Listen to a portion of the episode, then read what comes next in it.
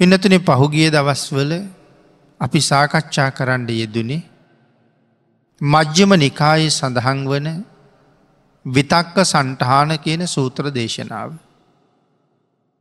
මේ සූත්‍ර දේශනාවෙන් ධර්ම දේශනාත් තුනක් මීට කලින් සිදු කරන්න යෙදෙන. අද බලාපොරොත්තු වෙන්නේ විතක්ක සන්ටහාන සූත්‍රයෙන් සාකච්ඡා කෙරෙන හතරවෙනි ධර්ම දේශනාව සිදු කරන්න. පිනතුන මේ සූත්‍ර දේශනාව විශේෂයෙන් අකුසලයට අකමැති ඒ වගේම භාවනාවට බොහොම කැමති ශ්‍රාවක පිරිසට මහත් වූ ප්‍රයෝජනයක් පිණිස භාගිතුන් වහස දේශනා කොට වදාළ උතුම් සූත්‍ර දේශනාවක්. අපි තුන්වෙනි ධර්මදේශනාව නිමා කරන්ට යෙදුනේ යම් පුද්ගලේ රාගය දවේශය මෝහය ආදී අකුසල ධර්මයන්ගෙන් යුක්තයි නං.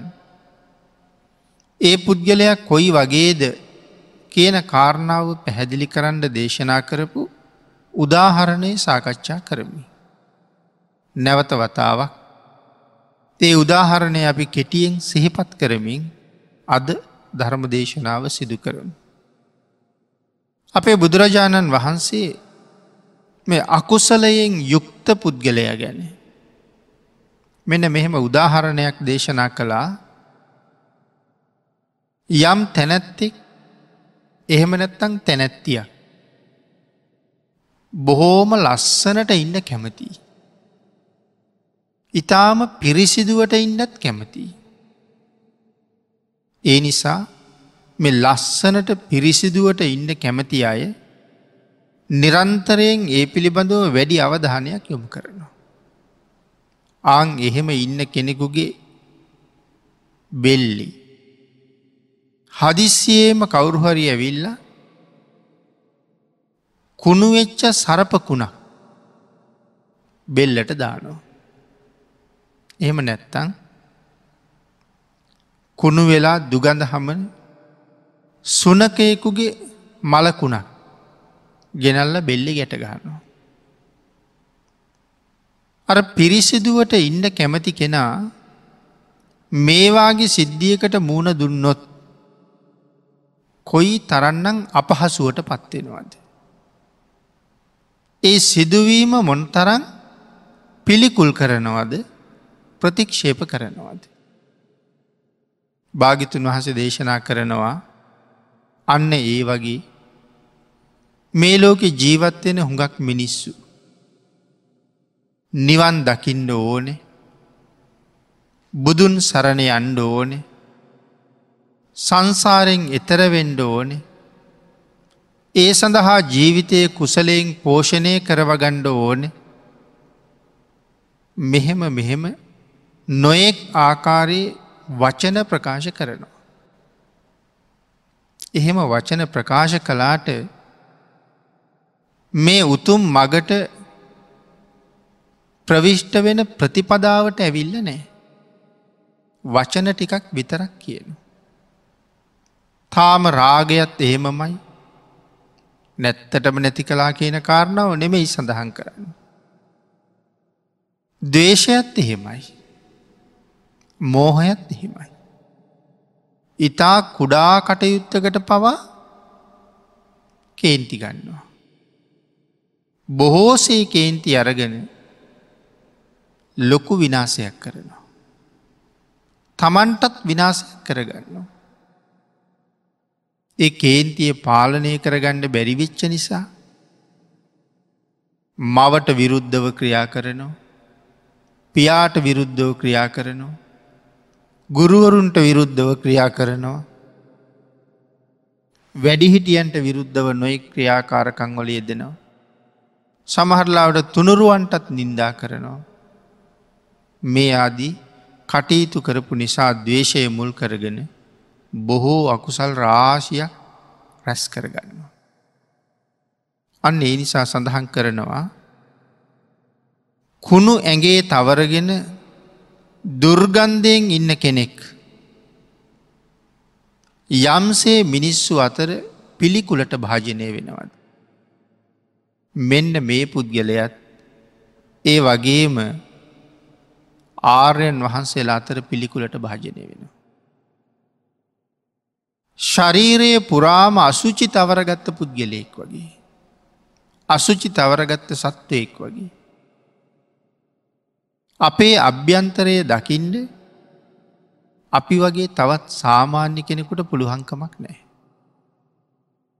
එනිසා අපි හුඟක් වෙලාවට බොහෝ දෙනා දිහා බලල බොහොම සිල්වත් බොහොම ගුණවත් බොහෝම දානපති මේ ආදී නොයෙක් දේවල් වලින් කතා කරනවා.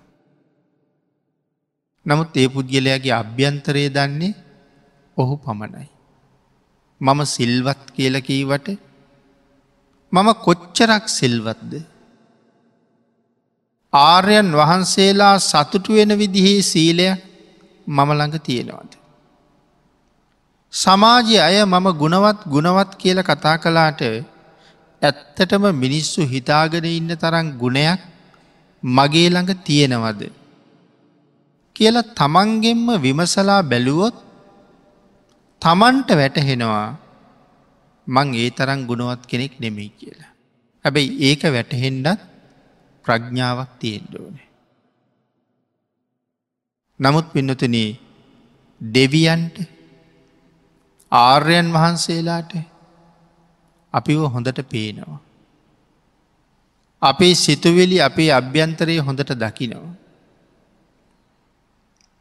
ඒ දකිනකොට අපි වැරදි සහිත නං සමාජයට පෙන්වලා තියෙන එකමූුණක් නමුත් ඔහුගේ හැබෑ ජීවිතයේ තවත් වෙනත් එකක් නං කවදාවත් ආර්යන් වහන්සේලගේ අනුකම්පාව හම්බ වෙන්නේ නෑ එහෙම අයට. දෙවියන්ගේ අනුකම්පාව ආරක්ෂාව එහෙම අයට හම්බ වෙන්නේ නෑ. ඒකයි මේ උදාහරණයෙන් දක්වන්නේ. අර සරපකුණක් ඇගේ තියෙනවට අකමැති වගේ මේ අකුසල ධර්මයන් රාගය දවේශය මෝහය ආදී අකුසල ධර්මයන් තමන් ළඟ තියෙනකොට නිරන්තරයෙන් හිතන්ඩ කීවා අර සරපකුණක් සුනකකුණක් ඇගේ දවටලා ඇගේ එල්ලලා බෙල්ලෙ ගැටගහලා තියෙනකොට කොයි වගේද මේ අකුසල ධර්මයන් මල්ලඟ තියෙනවා කියන්නෙත් අන්න ඒ වගේ. මේ අකුසලයත් දුර්ගන්ධයි. සතර අපායටම තමයි අපි අරගෙනයන්. ඉඳ මේ කෙලෙස්වල දුගඳ නැති කරලා. කෙලෙස් දුර්ගන්ධයෙන් මිදෙන පුද්ගලයෙක් බවට පත්තෙන්ට භාගිතුන් වහසේ නිරන්තරයෙන් අවවා දනු ශාසනා කළා. එහෙම නැත්තං තාමත් අපි වැරදිකරුවන්මයි. පිරිසිදු නැති අයමයි. මොකද පින්නතනයට සඳහන් කලා සමහර තැන්වල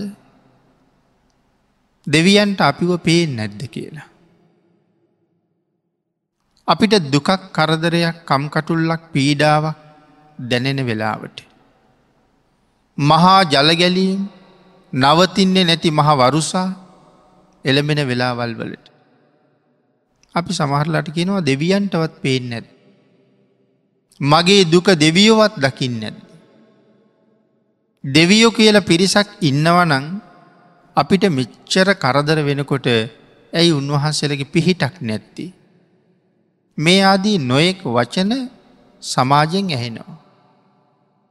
නමුත් දෙවියන්ට ඇත්තටම පේන්නේ නැතුවද පේනවා.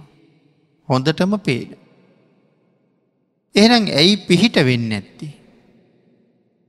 මොකද අපි කල්පනා කරන්නේ නෑ දෙවියන්ට මේ පේන්නේ අපිට වෙච්ච කරදරේ විතරයි නෙමේ. කරදර වෙන්ඩ කලින් අපි ජීවත් එච්ච හැටිත් දෙවිය දන්නවා. ඒකන අතීතය අකුසලයට එච්චර බයවුණේ.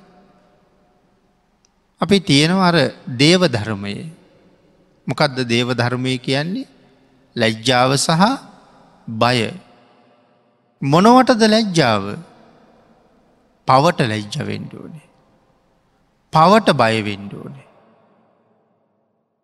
එමනම් පිඩතුන අපේ ජීවිතය තුළ ඒ පවට තියෙන අකමැත්ත හැම වෙලායිම තියෙන්ඩෝනේ. මේ කරදරයක් වෙච්ච වෙලාවට විතරක් නෙමේ. අතීතය අය පව් කරන්න බයවුනා කෙලෙන මම සඳහන් කළේ. අපි කාට හැංගිලා කාට හොරෙන් මොනව කළත්. එක දෙවියෝ දකිනව කියලා හිතන්ඩුවනේ. එතකොට දුකක් කරදරයක් ආවහම කොහොමද දෙවියන්ට කියන්නේ. එනම් කරදර තියෙන වෙලාව විතරක් නෙමෙයි මමාර හොරෙන් හොරෙන් කරපු වැරදි ඔක්කොමත් ඔක්කොමත් දන්නවා. දෙවියෝ දැක්කේ නැතත් හැම වෙලායම අපි දිහා බැලුවේ නැතත් පිනතින රහතන් වහන්සේල දකිනවනි. අපේ සිත හොඳටම දකින්ඩ හැකියාවත් තියෙනවා. ඒ නිසා අපි මොනතරං ශික්ෂාකාමී විදිහට ළඟට ගිහිල්ල හිටියත් අපි කෞුද කියන කාරණාව හොඳටම දන්නවා. ආං ඒකට ලැජ්ජාවෙන්ඩෝ නෑ මම මේ හොඳ මූනක් පෙන්නගෙන බොහෝම සිල්වත් ගුණවත් වගේ මෙතන හැසිරුණාට මම කරන්නේ ආත්ම වංචාවක් මයි කියන කාරණාව මේ ළඟ ඉන්න උතුමන් වහන්සේ හොඳටම දන්නවා. එතකොට හරියට උන්වහන්සේගේ ඉස්සරහපිට මම රඟපෑමක් කරනවා වගේ. මං ගැන මොනව හිතනව ඇද. එහින්ද අතීතය අය බයවුනා පව් කරන්නට. දෙවියෝ දකිනවා දෙවියෝ දැක්කෙ නැතත් රහතන් වහන්සේල දකිනෝ කවුරු දැක්කෙ නැතත් බුදුරජාණන් වහන්සේ මං ගැන හොඳටම දන්න. එනිසා භාග්‍යතුන් වහන්සළඟට යන්නත් එතකොට ලැච්චයි. බුදුරජාණන් වහන්සේ දේශනා කරපු මගට පිටුපාලා භාගිතුන් වහන්සේ වැඩඉන්න තැනට යන්ඩ හිතෙන්නේ. බුද්ධ මන්දිරයට යන්න ගියත් ඒ ලැජ්ජාව හිතේ උපදිනවා. අන්න ඒ නිසා පවෙන් ඇත්වෙන්ඩ අතීතය අය හරියට කටයුතු කළා. එනම් අපට තියෙන දුක දෙවියන්ටවත් පේ නැද්ද කිය ලැහුවට දෙවියන්ට හොඳටම පේනවා. දුක විතරක් නෙමෙයි ඊට කලින් කරපු දේවලුත් හොඳටම දන්නවා. පිහිට වෙන්නේ කොහොම අයටද. කරුණාව මෛත්‍රී තියෙන අයට. සිල්ගුණ ආරක්ෂා කරන අයට දෙවියන්ගෙන් රැකවරණය හම්බ වෙනවා. එහෙම නැති අය රකිින්ට දෙවිය උත්සාහ කරන්නේ නෑ. මොකද පව් කරන කෙනෙක් රකින එකේ තේරුමක් නෑන. එහින්ද ඒ සඳහා උත්සාහයක් නෑ කියල තමයි සඳහන් කරන්න වෙන්න. ඊළඟට පිනතුන මෙතන සඳහන් කරනවා සමහර වෙලාවට අපි මිනිස්සුන්ට කියාපාන දේවල්. අපි ගැනමයි කියන්නේ. පින් කරන හැටි සිල්ගන්න හැටි දන් දෙන හැටි ගෙදර ජීවිතය මුල්ලු ත්‍රපිටකයම දන්නවද කියල හිතෙනවා. මේ දේශනා කරන ධර්ම දේශනා දස් ගණන් අහලා ජීවිතය හොඳට හදාගෙන වගේ කියල හිතෙනවා. ඒ තරම් උසස් විදිහට කතා කරන්නේ. නමුත් ටිකක් හොයල බලහම අභ්‍යන්තරය කුණු වෙලයි තියෙන්නේ. එහෙම අයට සරණ පිහිට ලැබෙනවා හුඟ හුඟාඩුවයි. සමහර කෙනෙක් මෛත්‍රී භාවනා කරනවා කියල කියනවා. නමුත් කරන්නේ මෛත්‍රී භාවනාව. තමන් ඒක කොයි තරං දියුණු වෙලාද සමහර වෙලාවට පන්සලට ගිහිල්ල. හැමදාම සිල්ගණ්ඩ ගිහිල්ල තමන් වාඩිවිච්ච තැන. අද මම එන්ඩ කලින් කෙනෙක් වාඩි වෙලා හිටියොත් ඒත් කේන්තියනවා. වාහනෙන් එලියට බැහැල ගිහිල්ලා ආපහු බස් එකට ගොඩ වෙනකොට මම හිටපු තැන තව කෙනෙක් හිටියොත් එතනත් මහා ගාලගෝට්ටිය. නමුත් අර අනුකම්පාව මෛත්‍රිය කරුණාව මොකොත් නෑ. නමුත් කියන්නේ මෛත්‍රී භාවනාව තමයි වඩන්න කියලා. ඒකයි සඳහන් කළේ අභ්‍යන්තරයමකොත් මොකොත් නෑ කියලා. අසල්වැසියෙක් දියුණු වෙනව දැක්කහම කොයි තරං ඊරිසියාවක් හිතට එනවද. අසල්වැසි දරුවෙක් හොඳට ඉගෙන ගන්නවා දැනගත්තහම තමන්ගේ දරුවෙකුට ඒ තැනට එන්ඩ බැරිවුණ හම අනික් දරුව පිළිබඳව ඇතිවෙන්නේ බොහොම අකමැති සිත. වෛරය පදනම් කරගත්ත සිත. මේ මේ කාරණාවලින් තමයි පේන්නේ අපි තාම දියුණු වෙලාම දියුණු වෙලාම නෑ කියලා. පිනතුනේ අකුසල ධර්ම දිහා තමන්ගේ ප්‍රඥ්ඥාවෙන්ම බලල තමන්ගේ ප්‍රඥ්ඥාවෙන්ම දැකල ඒ අකුසල් හැම වෙලාම ඉවත් කරන්න ඕනේ. ලස්සන වෙන්ඩ කැමති කෙනෙක් කොයි තරං දේවල් කරනවද තමන්ගේ රුවගුණ රැකගණ්ඩ. එමනං තමන්ගේ ආධ්‍යාත්මය ලස්සන කරගණ්ඩ කොයි තරං කැපකිරීමක් කරන්න අවශ්‍යද. බාහිර පෙනුමෙ ලස්සනට වඩා ආධ්‍යාත්මය අභ්‍යන්තර ජීවිතය ලස්සන වෙච්ච හම. සංසාර ඉදිරියට අනාගත ජීවිත කෝටි ගානක් ලස්සන වෙනවා. අපි කටයුතු කරන්න ඕනේ මේ දිරල කුණු වෙලා යන කුණුකය පිරිසිදු කරගන්නවට වඩා සංසාරික ජීවිතය පිරිසිදු කරගන්නේ. සතර අපායට නොයන තැනට මග හදන එක. යමෙකුට එහෙම කරන්ඩ ප්‍රඥාව තිබුණොත් අං ඒ පුද්ගලයා මේ ජීවිතයට හොඳ සාධාරණයක් කරපු කෙනෙ. එතෙන්ට යන්ඩයි භාගිතුන් වහසගේ ධර්මය. එනිසා ඒ ධර්මය නිරන්තරයෙන් අපි ජීවිතයට ගලප ගණ්ඩ මුත්සාහ කරන්නඩුවන. මේ දේශනාවදි පැහැදිලි කරනවා තමන්ගේ ආචාරයන් වහන්සේ උපාධ්‍යයන් වහන්සේ ළඟට ගිහිල්ල හෝ සංග පීතෘවරයන් වහන්සේ නමක් ළඟට ගිහිල්ල හෝ එහෙම බැරිනං ආරාමේ තියෙන ගෙඩිය ගහල හෝ පිරිස රැස් කරවලා තමන්ට පහළ වුණ අකුසල විතර්කය ඉදිරිපත් කරලා ඒකෙන් මිදෙන්ඩ අවවාදයක් ඉල්ලගණ්ඩ කියලා. සසර භයානක බව දන්න නිසා භාගිතුන් වහසේ අපිට කොච්චර අවවාද කළ. මේ සඳහන් කරන්නේ යම් කෙනෙකුගේ හිතේ අකුසලයක් ඉපදිලා. එක්කො රාගයක් නැත්තන් දවේශයක් එහෙම නැත්තං මෝහය. ආදී පදනම් කරගත් අකු සල්ලිපදිලා. දැන් තමන්ට තනියම තේරෙන්නේ නෑ මේ අකුසලයෙන් මම මිදෙන්නේ කොහොමද කියලා. තම මුලින් මතක් කලාන මේ භාවනාව දියුණු කරගණ්ඩ කැමති අයට විශේෂ උපදේශයක් මේ සූත්‍රය තුළ තියෙන්නේ කියලා. පිනතින අපි කලිනුත් මේ සූත්‍රයේදි පැහැදිලි කළා භාවනාව වඩනකොට අපි මොකක් හරි කර්මස්ථානයක් කරගන්න. එක්කො මෛත්‍රී කර්මස්ථානයේ දියුණු කරනවා.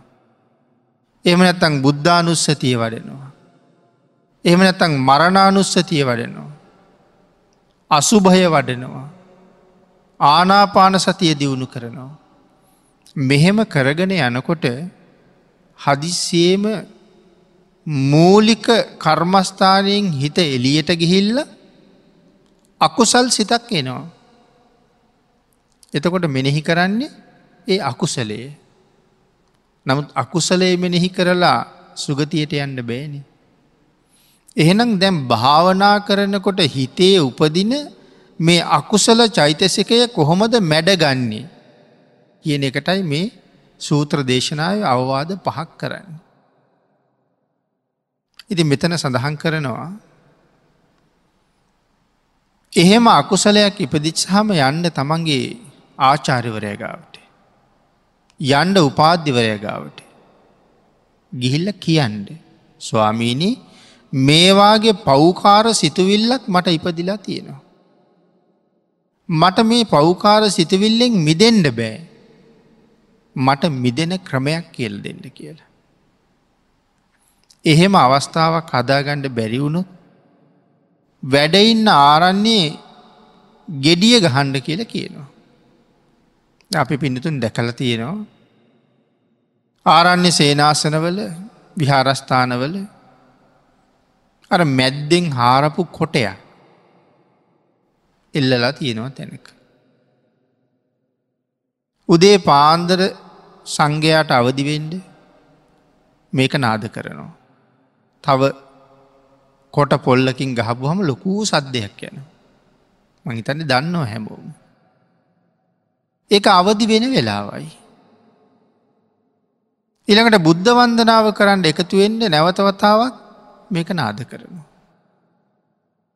සිහිල් දන් ගන්න වෙලාවට නැවතවතාවක් නාද කරනවා. දහවල් දානට නැවතවතාවක් නාද කරනවා. හවස බුද්ධ වන්දනාව වෙලාවට ධර්ම සාකච්ඡා කරන්න රැස් විය යුතු වෙලාවල් වල නාද කරනවා. මේක නාද කරන විශේෂිත කාල වේලාවල් තියෙනවා අහවල් කටයුත්ත සඳහා තමයි දැන් ගෙඩිය ගහන්න. මේ කාලවේලාවන්ට අමතරව කවුරු හරි මේක නාද කළොත් ඒ විශේෂ කාරණාවක් සඳහා එක්කො කරදරයක් නැත්තං වෙනත් විශේෂ දෙයක්. ඒකයි මෙතන සඳහන් කරන්නේ මේ ආචාරයන් වහන්සේ උපාධ්‍යයන් වහන්සේ මුණගැහිලා අකුසල චෛතසිකය දුරුකරගන්න ක්‍රමයක් අහගණ්ඩ බැරි වුණොත් ගෙඩිය ගහන්ඩ කියල කියන. එතකොට සියලුම සංඝයා එකතු වෙනවා. ආරන්න යම් පමණක්ද වැඩඉන්නේ සියලු දෙනා එකතු වෙනවා. ඒ සංඝයා රැස්කරවලා කියන්න කියනවා මෙන්න මේවාගේ අකුසල විතර්කයක් මගේ හිතේ තියෙනවා. මේකෙන් මිදෙන හැටි මට කියල දෙන්න කියලා. අකුසලය හංගගෙන ඉන්ඩ කියලනම් කොහෙවත් කියලනේ. බලන්න බුද්ධාගමී තියෙන ශ්‍රේෂ්ඨත්වය. අකුසල්ලයක් ඇතිවුණොත් තනියම දුරු කරන්න බැරිනං මේ විදිහට කියලා දුරු කරගණ්ඩ කියන්නේ සඟවගන ඉන්ඩෙපා. කියන්ඩ බෑ කියලා ලැජ්ජ වෙන්ඩෙපා. ඒ ලැජ්ජාව නිසා අති දීර්ඝ කාලයක් මට දුකට පත්වෙන්ඩ සිද්ධ වෙනවා. නිසා හඟවන්න ඇතුව කියන්න කියල කියන්නේ. සංඝයා රැස් කරලා සියලු දෙනාටම කාරණාව කියහම. මේ අකුසල චෛතසිකයෙන් මිදෙන හැටි මට කියල දෙන්න පුළුවන් එක සංග පීත්‍රෝරයන් වහන්සේ නමක් හරි මෙතන ඉන්නවා. උන්වහන්සේ අනුකම්පා කරලා මේ අකුසලයෙන් මිදෙන හැටි කියල දෙෙන. එහෙමවත් පිහිටක් ඉල්ලගණ්ඩ කියල කිව අකුසලයත් එක ජීවත්තෙන්ට එපා කියලයි දේශනා කරන්න. ඊළඟට පිනතිරි සඳහන් කළා ආචාර්ය උපාධ්‍ය හෝ වෙනත් සංගපීතෘවරයන් වහන්සේ නමක් ළඟ අහලත් දැනගණ්ඩ කියල උපදෙස් දීල එහෙමත් බැරිවුණොත් ගෙඩිය ගහලා සංඝයා රැස්කරෝලා සංඝයාට කියලා විසඳුමක් ඉල්ලගන්ට. ඊළඟට සඳහන් කරනවා තමන්ට මේ මොහොතේ ඉපදිලා තියෙන මේ විතර්කය මොන ක්‍රමයකින් හරි නැති කර ගණ්ඩුවනේ. මොක දෙහෙම නැත්තන් එක තමන්ටම අයහපතක් සඳහාම ක්‍රියාත්මක වෙනවා. ඊළඟට පිණිතනි සඳහන් කළා මේ ශාසනයේ විශේෂයක් මයි මේක. මේ ශාසනය කවදාවත් අකුසල් සහිතව පුද්ගලයෙක් ඉදිරියට ගෙනියන්ට ඉඩ තියන්නේ නෑ. ඔහු පිරිසිදු කරන්නමයි හදන්නේ.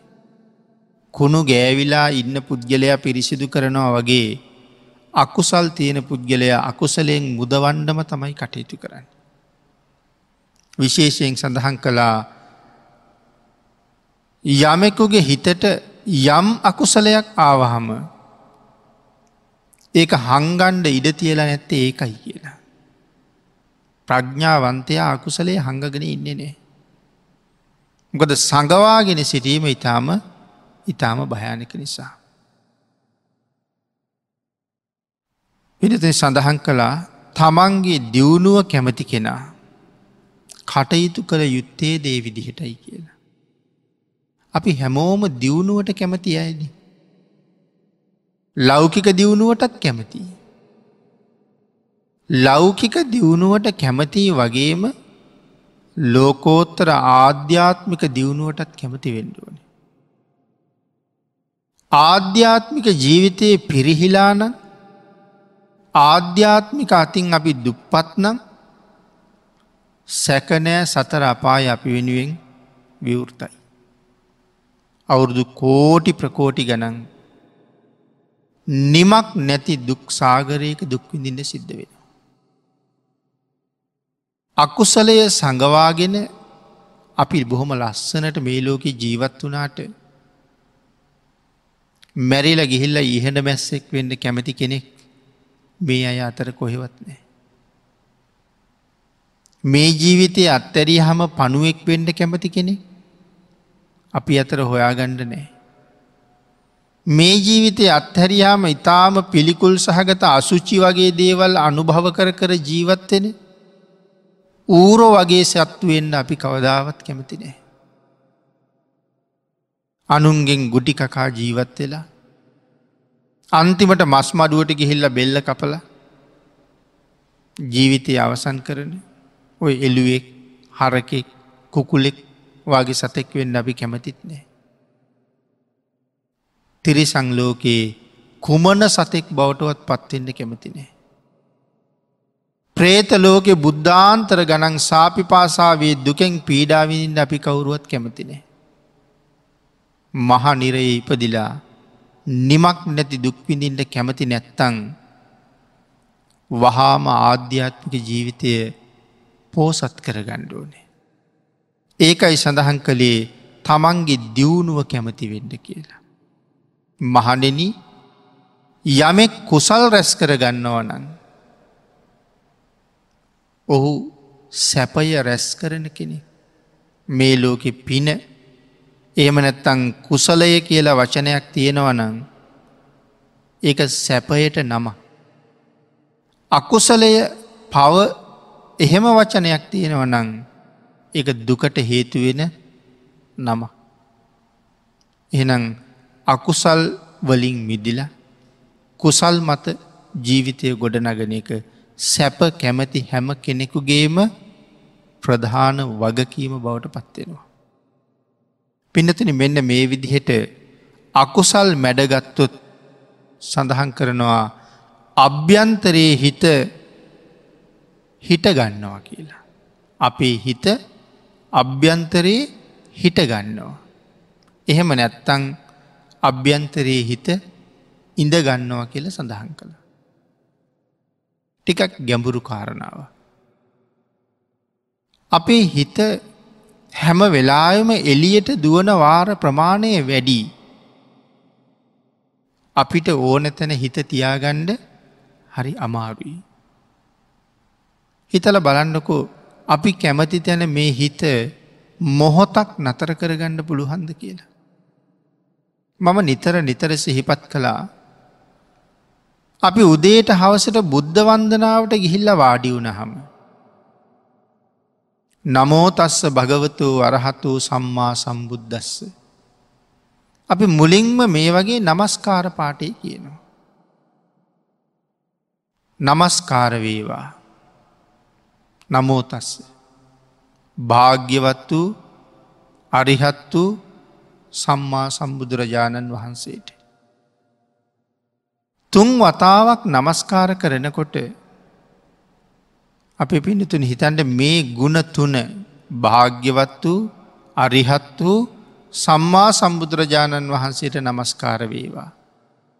කියන කාරණාව මත පිහිටලා මෙයම සිහිපත් කර කර හිත වෙනත් කාරණාවකට යා නොදී එක තැන තියාගෙන නමස්කාරය කියන්න කොච්චර අමාරුද කියලා. මේක හිතන්නවත් නැති කෙනෙකුට ඕක කොහොමත් දැනෙන්නේ නෑ. නමුත් අදින් පස්සේ බුදුන් වදිනකොට උත්සාහ කරන්නකු හිත කොහාටවත් ගමන් කරන්න නොදී භාග්‍යතුන් වහන්සේගේ ගුණයම කියලා අද නමස්කාර කරනවා. හිත ඒ ගුණය තුළ හිත තියාගන්න. උත්සාහ කරන්න කොච්චර අමාරුද කියලා. මට තේරෙන්නවත් නෑ හිත කොහෙද ගිහිල්ල. එන මෙතෙක්කල් ඉතිපිසෝ භගවා අරහං සම්මා සම්බුද්ධෝ කියල අපි මේ නවාරහාදී ගුණපාටය කියල වන්දනා කළා. කටට හුරු නිසා අපිට පුරුදු නිසා අපි මේ ගුණපාටය කිව්ව මිසක්. මේ ගුණ නමේ එකක් එකක් ගානෙ මෙනෙහි කරලා කියාපු නැති ගුණ කීයක් මේ නමේ ඇතුළේ ඇද්ද. ඇයි ඒක කියවෙනකොට හිත කොහෙද ගිහිල්ලා. පුරුද්ධටයි කියලති. එතකොට මේ හිත එක තැන තියාගන්නවා කියන එක කොයි තරං අමාරුද.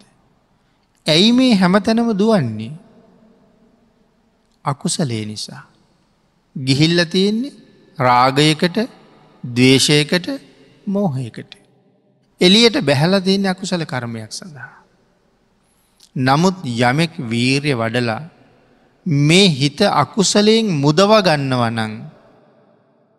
ඔහුගේ හිත අභ්‍යන්තරයේ හිටගන්නවා කියලකිවේ හිත ඇතුළේ තමන් තුළම ඒ හිත නැවතිලා තියෙනවා. තමන් තුළම ඒ හිත ඉඳගෙන ඉන්නවා එක්කො හිටගෙන ඉන්නවා නැත්තං ඉඳගෙන ඉන්නවා හිත කොහෙවත් ගිහිල්ල නෑ කියන කාරණාවයි මේ කියන්නේ. අභ්‍යන්තරයේ හිත හිටගන්නවා එහෙම නැත්තං අභ්‍යන්තරයේ හිත ඉඳගන්නවා. එහෙම උනහම තමන්ට තමන්ගේ හිත එකඟ කරගණ්ඩ හරි ලේසි. මොකද අල්ල ගණ්ඩ ගෙන්න්න ගණ්ඩ බැඳගණ්ඩ දෙයක් නෑන නතර වෙලා ඉන්නේ. ඒ නතර වෙච්ච හිත හික්මෝනවා කියන එක හරි පහසු වැඩ. මොකද නතර වෙලා ඉන්න නිසා. ඒ නිසා සඳහන් කරනවා මේ සිත ඉතාම ඉක්මනට සමාධියකට අරගෙන යන්න පුළුවන්කම තියෙනවා. නතර වෙච්ච හිත සමහර කෙනෙක් අවුරුදු ගානක් භාවනා කරනවා. තාමත් හිත සමාධි ගත කරගණ්ඩ බෑ. හිත තැම්පත් කරගණ්ඩ පුළුවන්කමක් නෑ. ඒ කියන්නේ තාමත් අකුසල් එක්කමයි ජීවත්තේ. නමුත් හිත තමන්ට නතු කරගත්තනං තමන්ට නතුවෙච්ච කෙනා තමන් කැමති තැනට අරගෙන යන එක හරි පහසු පහසු වැඩ.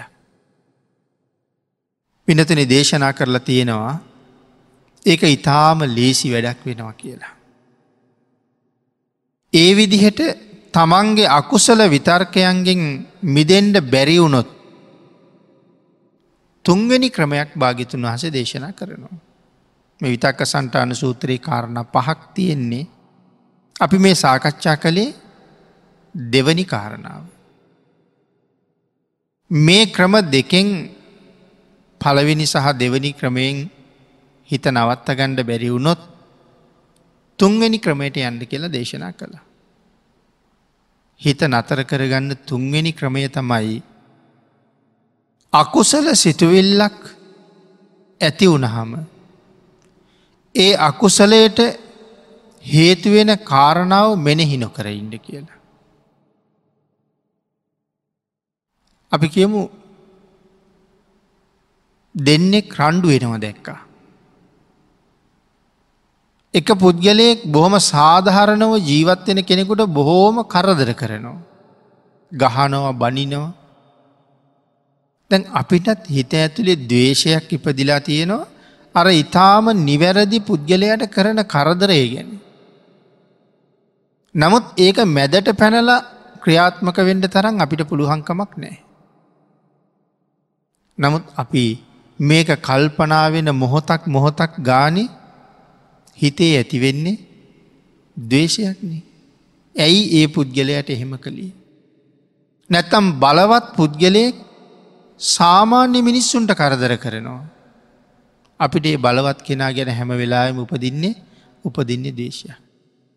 ආං ඒ නිසා මෙතන සඳහන් කරන්නේ මෙ තුන්වෙනි ක්‍රමයෙන් තමන්ගේ සිත අකුසලයට බරවෙන හේතු කාරණාව මතක් කරන්නේ නැතුව ඉන්ඩ උත්සහ ගණ්ඩ කියල. එහෙම නැත්තං අපි මගදී යනකොට දැකපු රූපයක් නිසා රාගසිතක් ඇති වෙනවා. ඇත්තන් කෙනෙකුගේ නිරුවත් රූපයක් දැකල වෙන්න පුළුවන්. අඩ නිරුවත් රූපයක් දැකල වෙන්න පුළුවන්. ඒ මගදි දැකපු සිදුවීම ගැන කල්පනා කර කර කල්පනා කර කර රාග සිතුවිලි උපදවනවා. මතක් වෙන්ඩ මතක් වෙන්ඩ නොඒ රාගසිත් පහළ වෙන. මෙතන සඳහන් කරනවා ඒ මූල කාරණාව මතක් කරන්නේ නැතුවඉන්ට. මේක අපි මේ වචනවලින් කතා කරනවාගේ පහසු වැඩක් නෙවෙයි. අපේ හිත යන්නේ එතෙන්ටම තමයි. මතක් කරන්න නැතුවයින්ට උත්සාහ කරන්න කොච්චර කටයුතු කළත් මොහොතක් යැනකොට අප හිත ගිහිල්ල තියෙන්නේ එතෙන්ටමයි. නමුත් ඒ රාගික සිතුවිල්ලෙන් ඒ දවේශ සිතුවිල්ලෙන් මට වෙන අයහපත කොච්චරද. ඒ නිසා ඒක මතක් නොකරයින්ට. අපේ ධර්මකාරණාවක් පැහැදිලි කරනකොට එක තැනක විස්තර කරනවා. එක තරුණ ස්වාමීන් වහන්සේ නම. පින්ඩ පාති වඩිනවා ගමට. හදිසියේම ඒ තරුණ ස්වාමීන් වහන්සේ ගමේ පින්ඩ පාති වඩින අතරතුර තරුණ කාන්තාවකගේ නොදැකිය යුතු තැනක් නැතන් විෂභාරම්මණය හදිසියේම දකිින් ඩැලබෙනවා. එ දැක්ක ගමන් ස්වාමීන් වහසට රාගසිතක් ඇති වුණ. හැබැ උන්වහසේ බොහෝම ප්‍රඥ්ඥාවෙන් කටයුතු කරනවා. රාගසිත ඇති වෙනකොටම උන්වහස එතනම නතර වෙනවා. නතර වෙලා තමන්ගේ හිතේ ඉපදුන අකුසල සිතුවිල්ල එතනම යටපත් කරගන්න. ආය උපදින්නේ නැති තැනට එනකං තරම්ම යටපත් කරනවා. පිළිකුල වඩල අසුභය මෙනෙහි කරලා රාගසිත යටපත් කරනවා. යටපත් කරලා පිණ්ඩ පාති වඩිනවා. පිණිසිංගා වැඩල දානෙ වලඳලා උන්වහන්සේට අර කාරණාව මතක් වෙලා බය හිතෙනවා. නැවත නැවත දැකපු දේ සම්බන්ධයෙන් රාගසිත් ඇතිවෙන්ඩ පටන් ගත්තොත් මට නිරයට පාරමයි හැදින්නේ. ඒ බය නිසා උන්වහන්සේ තමන්ගේ ගුරුවරය ළඟට ගිය. තමන්ගේ ගුරුවරයට කාරණාව මතක් කළා. ස්වාමීනී මට කමටහනක් දෙෙන්ට. මේ උපදින රාගසිතෙන් මට මිදෙන්ඩ ඕනේ. දැනට යටපත් කරලා ඉන්නේ. නමුත් දවස් ගානක් මාස ගානක් ගිහිල්ලා අපහු මතු එන්න පුළුවන්. කමටහන ඉල්ලගෙන එලියට බැහැල කියනවා ස්වාමීනී මේ රාගසිත නැවත නූපදින තත්ත්වයටම පත් කරගණ්ඩ පුළුවන් වුණොත් ඔබවහන්සේට ආය පාරක් මාව දකිින්ට ලැබෙයි. මට ඒක කරන්න බැරිවුණොත් ඔබවහන්සේට ආය මම දකිින්ට ලැබෙන එකක් නෑ. එහෙම කියලා වනගත වුණ. විවේක තැනක් හොයාගෙන උන්වහසේ චතුරංග සමන්නාගත වීර්ය අධිෂ්ඨාන කරලා වාඩි වෙනවා. මේ රාගසිත නැවත උපදින්නේ නැති තැනට පත්වෙන්ඩ පුළුවන් වෙනතුරු මං මෙතනින් නැගිටින්නේ නෑ. මේ ගහමුල වේලිලා මැරිලගියත් නැගිටින්නේ නෑ කිය අධිෂ්ඨානය තියන්නේ. හැබැ පිනතුන වැඩි කාලයක් නෑ උන්වහසේ නොබෝ වෙලාවකින් නොබෝ කාලීකින් අනාගාමී තත්ත්වයට පත්වෙනවා.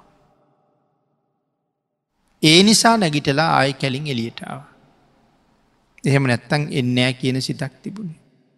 දැ මේ කාරණාවම මතක් කළේ දැන් උන්වහන්සේ රාගය උපදින නිමිත්තක් දැක්ක රාගය ඉපදුනොත් දිගින් දිගට මට වෙන්නේ මොකක්ද කියලා දැනගත්තා ඒකට බය නිසා ඒක නැතිකරගණ්ඩ මේ තරං වීරියක් වැඩුවා.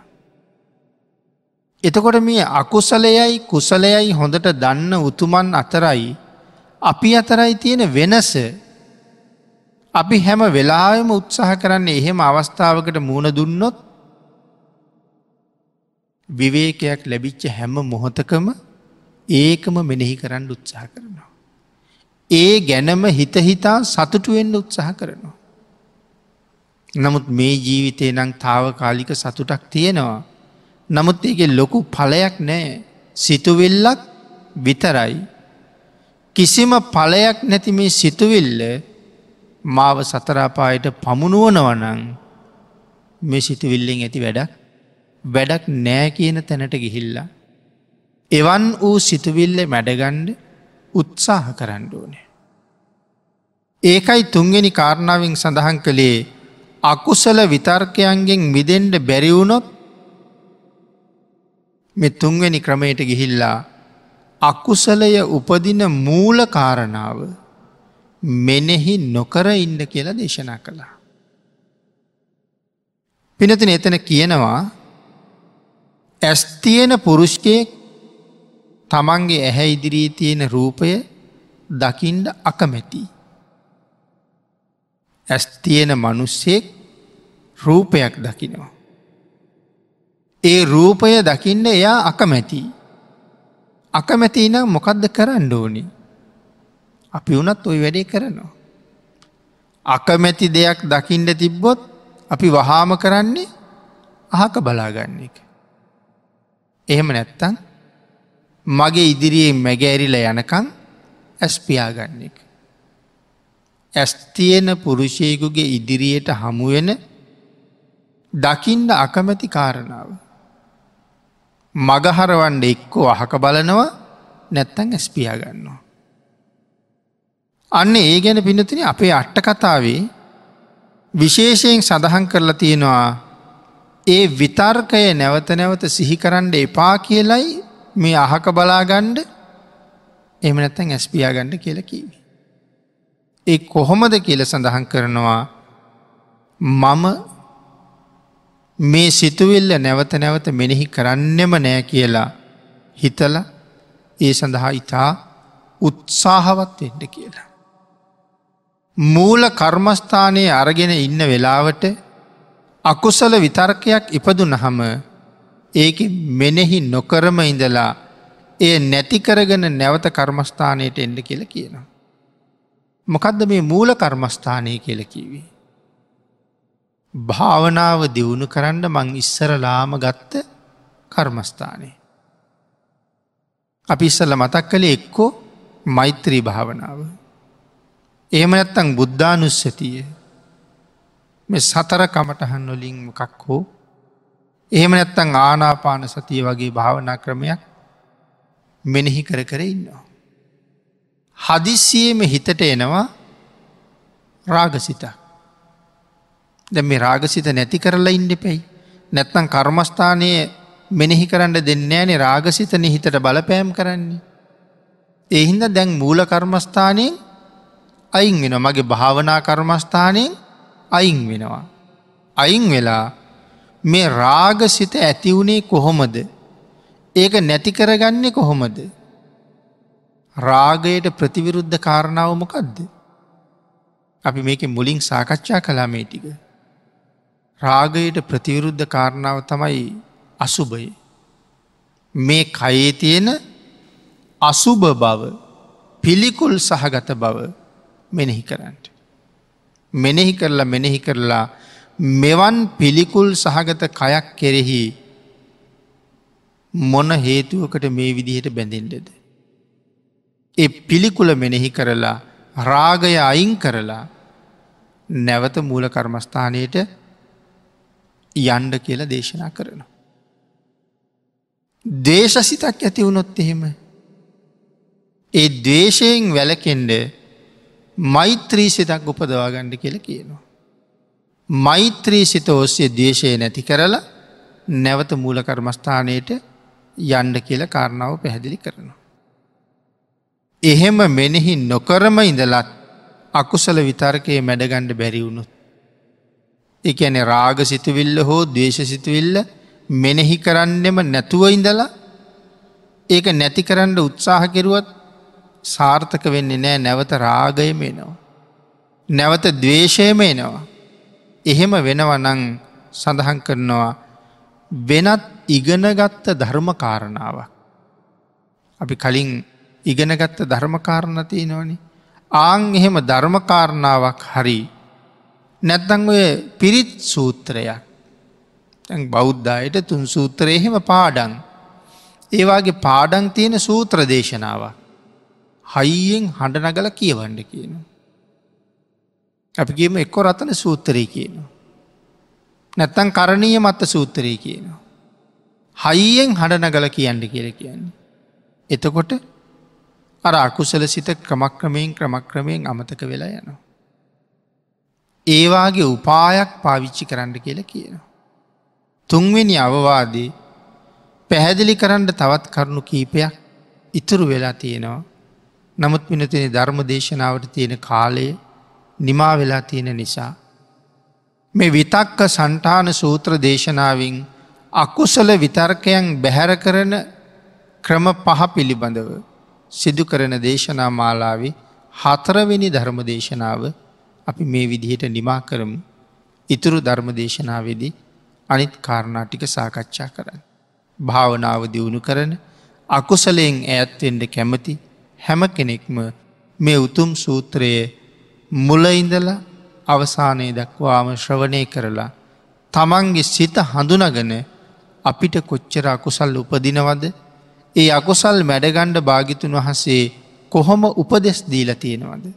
කියන කාරණාව දැනගෙන අකුසලයෙන් මිදෙන්ට උත්සාහ කරන්න කියලා සියලු දෙනාටම බොහෝම කරුණාවෙන් සිහිපත් කරනවා.